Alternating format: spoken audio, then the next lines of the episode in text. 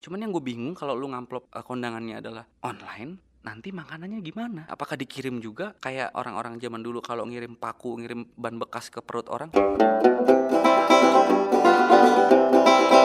Beberapa hari lalu, gue sempet baca cerita serem gitu. Dan gue baca di Twitter. Itu akun Twitter Ustadz yang jamaahnya tuh lucu-lucu gitu di Twitter, serius. Dan Ustadz yang gue maksud nih bukan temen lu yang dulu suka nge-tweet Bismillah tiga rakaat dulu atau semoga lelah menjadi lillah Bismillah bukan ini Ustadz beneran kayaknya walaupun sering dipanggilnya stat, steleng, stang, macam-macam. Pokoknya dia tuh penulis buku. Kurang lebih gini ceritanya.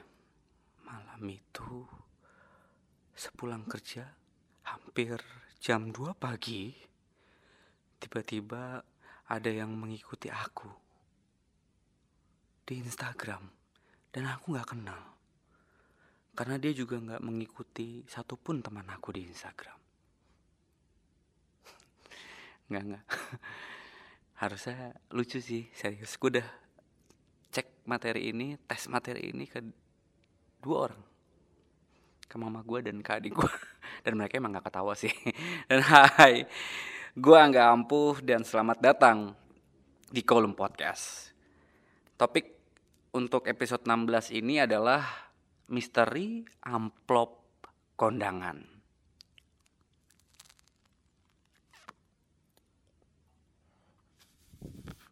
Makanya tadi di awal gue coba ngebuka dengan ala-ala podcast horor gitu walaupun sama sekali nggak bakat kayaknya.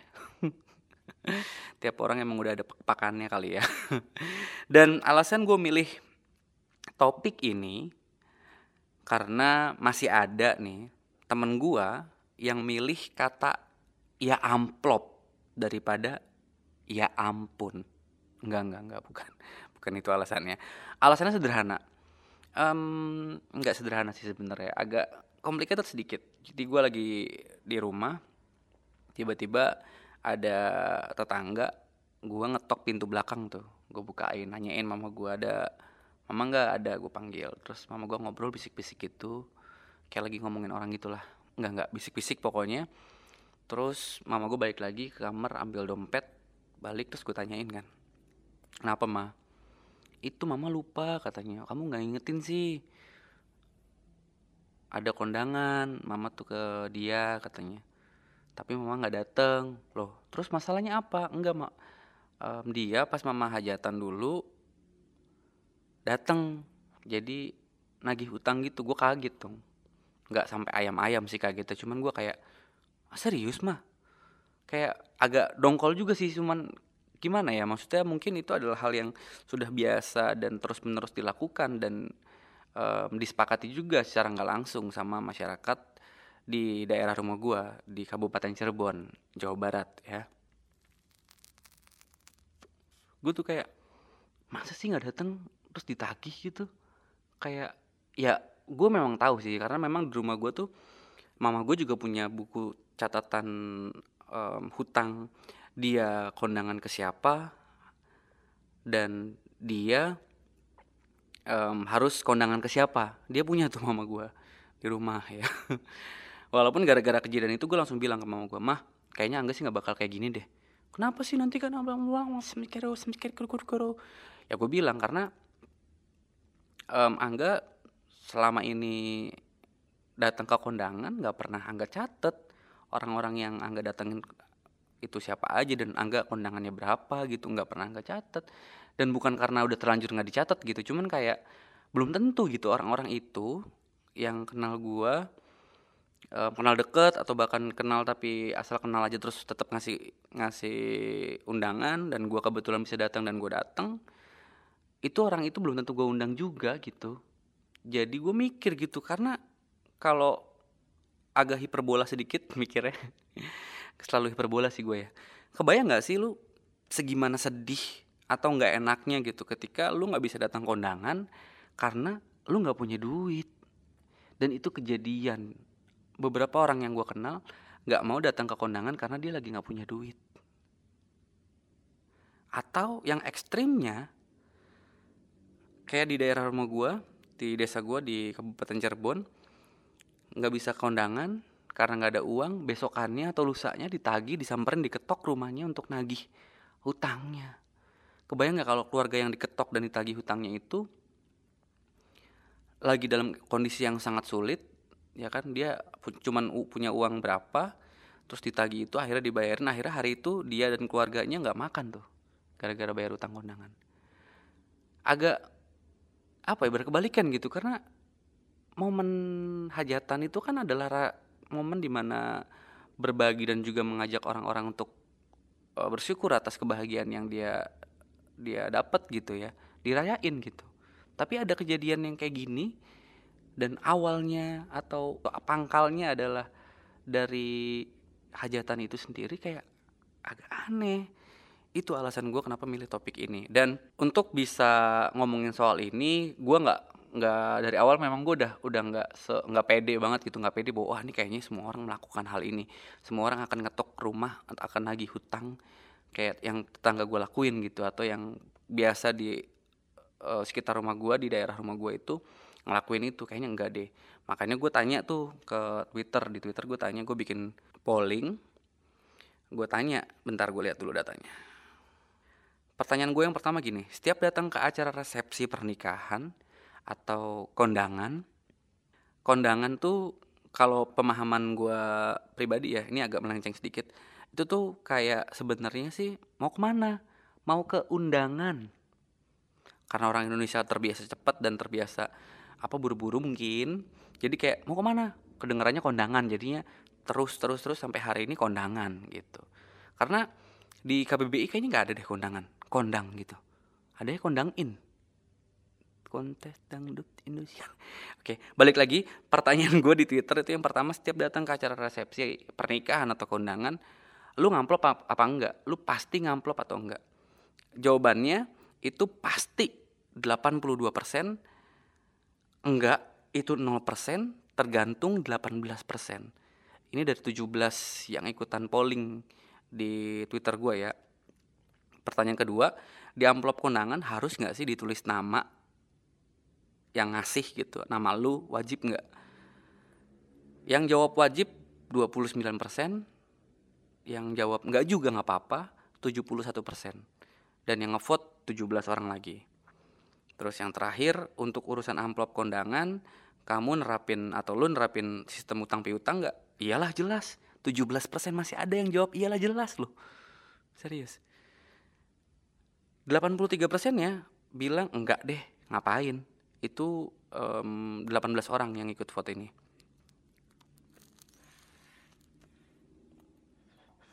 dari data ini sih ya maksudnya di desa gua kejadian di desa gua kejadian mama gua tuh diketok ditagih utang karena nggak datang hajatan tuh berarti kan nggak sendiri karena masih ada orang di luar sana yang bahkan menggunakan Twitter masih beranggapan bahwa amplop kondangan tuh pakai sistem utang pihutang. Mungkin kalau utang pihutangnya adalah dalam bentuk kehadiran di acara hajatannya lebih masuk akal ya.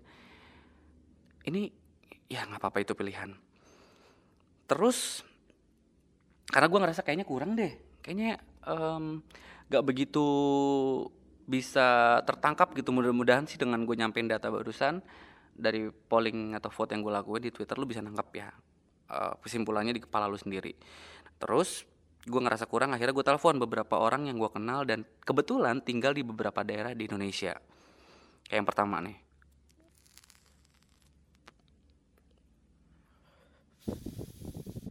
Di Batam.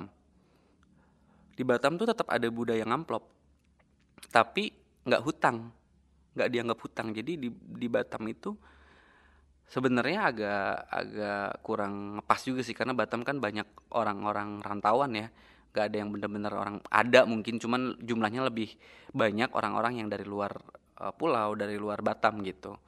Tapi pokoknya intinya di Batam memang nggak nerapin sistem utang pihutang dan pasar di Denpasar khususnya sanurnya ini ada sistem ngamplop juga ada sistem ngamplop tapi nggak dianggap hutang. Di Banda Aceh itu ngamplop juga tapi nggak dianggap hutang. Dan uniknya bahkan ekstrimnya kalau di Banda Aceh justru bukan masalah amplopnya tapi soal kehadiran. Jadi kalau di Banda Aceh itu orang-orang di Banda Aceh akan rela cuti kerja cuti bro. Cuti untuk kondangan gitu. Kalau misalnya kondangannya harus menempuh perjalanan beberapa jam gitu.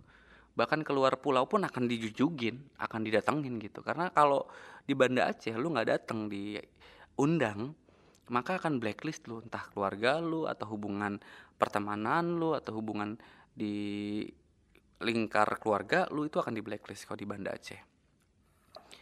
Terus di Banda Aceh juga um, amplop uang tuh semua pengantin nggak dapet bro. Jadi lu nerima uang he ngitung uang ah. serahin ke keluarga. Karena di Banda Aceh yang hajatan adalah keluarga. Keluarga besar jadi dibagi. Pengantin itu jatahnya adalah ya uang mahar tadi di awal. Gitu kalau di balik papan ngamplop tapi nggak dianggap utang juga. Dan yang paling utama juga kehadiran tapi nggak se ekstrim di Banda Aceh. Nggak di blacklist kalau lu nggak datang gitu. Terus um, di Bengkulu ngamplop dan dicatat dan dianggap hutang. Alhamdulillah Kabupaten Cirebon gak sendirian. Selain Bengkulu Kabupaten Cirebon di desa gue khususnya Indramayu katanya sih beberapa temen yang gue kenal punya temen atau punya saudara orang Indramayu Indramayu Jawa Barat ya itu memang Indramayu nerapin sistem tagih hutang juga gitu. Nah yang menarik menurut gue adalah Bengkulu nih ya. Di Bengkulu tepatnya ada di sebuah desa nama desanya itu Karang Tinggi Karang Tinggi dan sekitarnya lah. Di sana itu ngisi amplop kosong saat kondangan itu akan membuat seseorang malu tujuh turunan. Walaupun kayaknya bukan di Bengkulu doang sih di daerah lain juga kayaknya akan malu sih kalau ngisi amplop dan dinamain terus kosong. Atau bahkan um, ngisi amplop nggak dinamain terus kosong. Nah ini yang malu adalah bukan cuman yang ngasih tapi yang nerima juga. Karena di Bengkulu lu ngasih amplop dinamain atau nggak dinamain percuma. Karena akan langsung dibuka di tempat. Men dihitung. Ya. Jadi kalau di duit di duit yang lo masukin ke amplop itu ada ada tulisan nomor handphone. Eh masih ada nggak sih sekarang yang ada tulisan nomor handphone atau kata-kata cinta gitu gitulah quotes quotes dulu dulu zaman dulu sih ada sekarang nggak tahu. Tuh akan kebaca tuh dibaca juga. Nomor telepon siapa gitu. Bungkulu tuh. Dan ngomongin soal hajatan resepsi terus juga amplopnya. Kalau secara Islam ya gue mohon maaf karena gue nggak sempet nyari tahu dan gue nggak nemu juga di agama lain tuh gimana soal amplop. Nanti lu boleh kasih tau ke gue deh kalau memang di agama lu itu atau di agama yang lain selain Islam lu tahu lu boleh kasih tau ke gue yang jelas kalau di di Islam tuh menghadiri undangan pesta perkawinan adalah sesuatu yang wajib menurut fikih. Dan kalau nggak ada halangan ini ya wajibnya tuh. Dan ini aturan fikihnya ada di kitab Kifayatul Akhyar. Terus um, justru yang yang melaksanakan atau mengadakan resepsi itu yang nggak wajib. Sama kayak amplop di Islam tuh nggak wajib. Yang wajib justru ketika diundang lu wajib datang. Jadi akan sangat eh, nggak uh, relevan gitu, akan sangat um, hilang makna dari berbagi kebahagiaan di hari penuh dengan kebahagiaan itu ketika lu nggak datang karena alasan nggak punya uang ini gue baca di NU online ya terus juga yang lucu lagi soal ngamplop digital atau kondangan online kali ya. Nyawer online. Ini bener kejadian. Gue pertama kali tahu tuh kayak kaget gitu. Kayak ada temen gue yang nikah terus ngundang um, dia bilang nanti kalau mau kondangan atau mau ngamplop bisa kirim ke rekening ini ya. Gue kan nggak bisa datang ya. Tapi gue di diminta walaupun nggak diwajibin sih diminta untuk ngamplopin gitu kayak ya nggak apa-apa aja selagi lu ada rezeki selagi lu memang mau nggak apa-apa aja. Cuman yang gue bingung kalau lu ngamplop uh, kondangannya adalah online nanti makanannya gimana? Makanan es krimnya baksonya yang paling enak karena kalau di hajatan gue pasti selalu nyari bakso. Gimana itu makanannya? Apakah dikirim juga? Kayak um, orang-orang zaman dulu kalau ngirim paku ngirim ban bekas ke perut orang nggak amit coba serem banget itu ya. Karena apa ya kayak kecuali di di musim pandemi kayak gini ya gue pernah dengerin podcastnya siapa Gofar kalau nggak salah. Ada siapa tuh? Jebret ya Bung Jebret. Valentino kalau nggak salah dia ngemsiin acara nikahan di pandemi di masa pandemi yang mana protokol kesehatan jalan kan. Jadi online tuh pada kondangan. Jadi nyawer nyawernya online. Nah itu mungkin jelas ya. Itu ada ada term and condition tertentu gitu. Tapi kalau keadaan normal terus lu dimintain ini ya um, OVO-nya ini dananya ini uh, noreknya kayak gue masih belum nyampe sih. Walaupun soal ngamplop digital ini kalau kata BBC News sih di India bahkan sejak 2016 itu sudah uh, membiasakan untuk kondangan atau ngamplop pakai uang digital.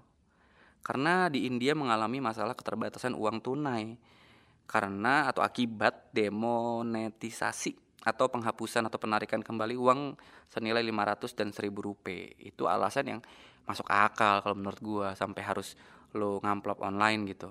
Kalau ngomongin soal ngasih uang uang tunai gitu dan juga kondangan dan amplopnya, Zimbabwe lucu. Lucunya karena di Zimbabwe lu ngamplop eh lu kondangan yang amplop ya.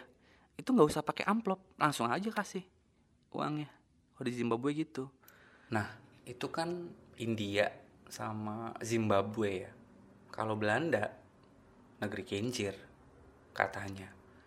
Belanda negeri kincir katanya. Kata. Oke skip. Terus um, balik lagi ya sedikit ngomongin soal kondangan yang pakai nomor rekening atau pakai uang digital tuh. Menurut lu gimana? Kalau gue sih masih nggak bisa nangkep gitu karena gue pribadi ya masih mending datang aja gitu ya menghadiri acara pernikahan aja gitu. Karena eh, kehadiran bahkan tadi di beberapa daerah juga kayak gitu kehadiran buat gue adalah yang lebih yang lebih penting gitu ketimbang si amplopnya gitu. Bahkan gue akan akan terang-terangan nolak kalau ada yang gak gue nggak bisa datang nih um, minta norek lu. Gue nggak bakal kasih noreknya gitu. Dan nggak tahu sih kayak nggak masuk aja gitu. Pokoknya apa pun pilihan lo soal kondangan atau ngamplop bebas. Serius. Asal jangan sampai lupa resepsi pernikahan itu adalah hari yang seharusnya penuh kebahagiaan. Iya, walaupun di setiap pernikahan pasti akan ada satu atau dua manusia yang nggak bahagia, bahkan bisa sampai nangis sesenggukan. Lo ngerti maksud gue apa? Jadi akan jauh lebih indah nih kalau kondangan itu atau hari bahagia itu resepsi itu ya bertabur doa bukan angka. Ya dan apa pun yang lu tangkap dari podcast episode kali ini paling enggak sih gue harapan gue sih satu lu mau uh, kayak jadi ada bahan gitu loh buat mikir atau enggak buat ngobrol sama orang tua lu mah. Kalau di keluarga kita gimana sih? Kalau uh, kondangan mama nyata apa segala segala macem setelah lu tahu lu bisa mutusin tuh apakah lu akan menerapkan hal yang keluarga lu lakukan atau bahkan lu menerapkan hal yang keluarga pasangan lu lakukan itu pilihan lu semuanya. Nggak ada paksaan gue nggak menyalah-nyalahkan juga dari tadi.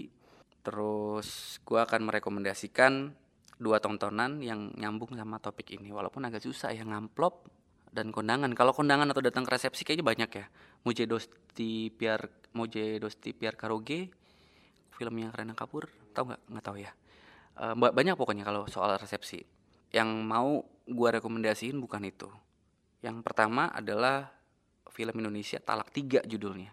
Filmnya Hanung Bramantio yang main Vino Reza bukan nggak nggak nggak Reza Rahadian sama Laudia Cynthia Bella. Itu filmnya tentang hari pernikahan yang jadi sangat kompleks masalahnya ketika yang mau nikah masih belum selesai urusannya Terus yang kedua series. Judulnya Reply 1988. Dari 20 episode, ada satu episode tentang pernikahan yang bikin gue berbesmili, nangis, senangis-nangisnya. Dan lu harus tonton series ini selain adegan ada adegan uh, resepsi pernikahannya. Series ini memang layak untuk ditonton banget sih. Walaupun drama Korea ya, nggak banyak yang gue tonton drama Korea. Cuman ini deh kayaknya drama Korea yang gue tonton. Um, ada dua sih. Satu lagi Move to Heaven, tapi Move to Heaven kurang begitu ngena buat gue. Yang paling ngena adalah Reply 1988. Series yang direkomendasiin Nikola Saputra ke Dian Sastro. Atau Dian Sastro ke Nikola Saputra, gue lupa. Dan buat lu yang mau kritik atau mau kasih pendapat lu tentang atau mau ngasih tahu ke gue mau mencerahkan ke gue enggak kalau di daerah gue gini, di keluarga gue kayak gini, kalau di suku gue kayak gini, kondangan dan juga amplop boleh banget lu langsung aja kasih tahu atau mau usul topik buat episode selanjutnya juga boleh. Langsung ke akun Twitter gue di @anggaampuh. A-nya satu jadi Angga Empuh. Jadi apa pilihan lu untuk kondangan dan amplop ini? Gue Angga Ampuh untuk kolom podcast.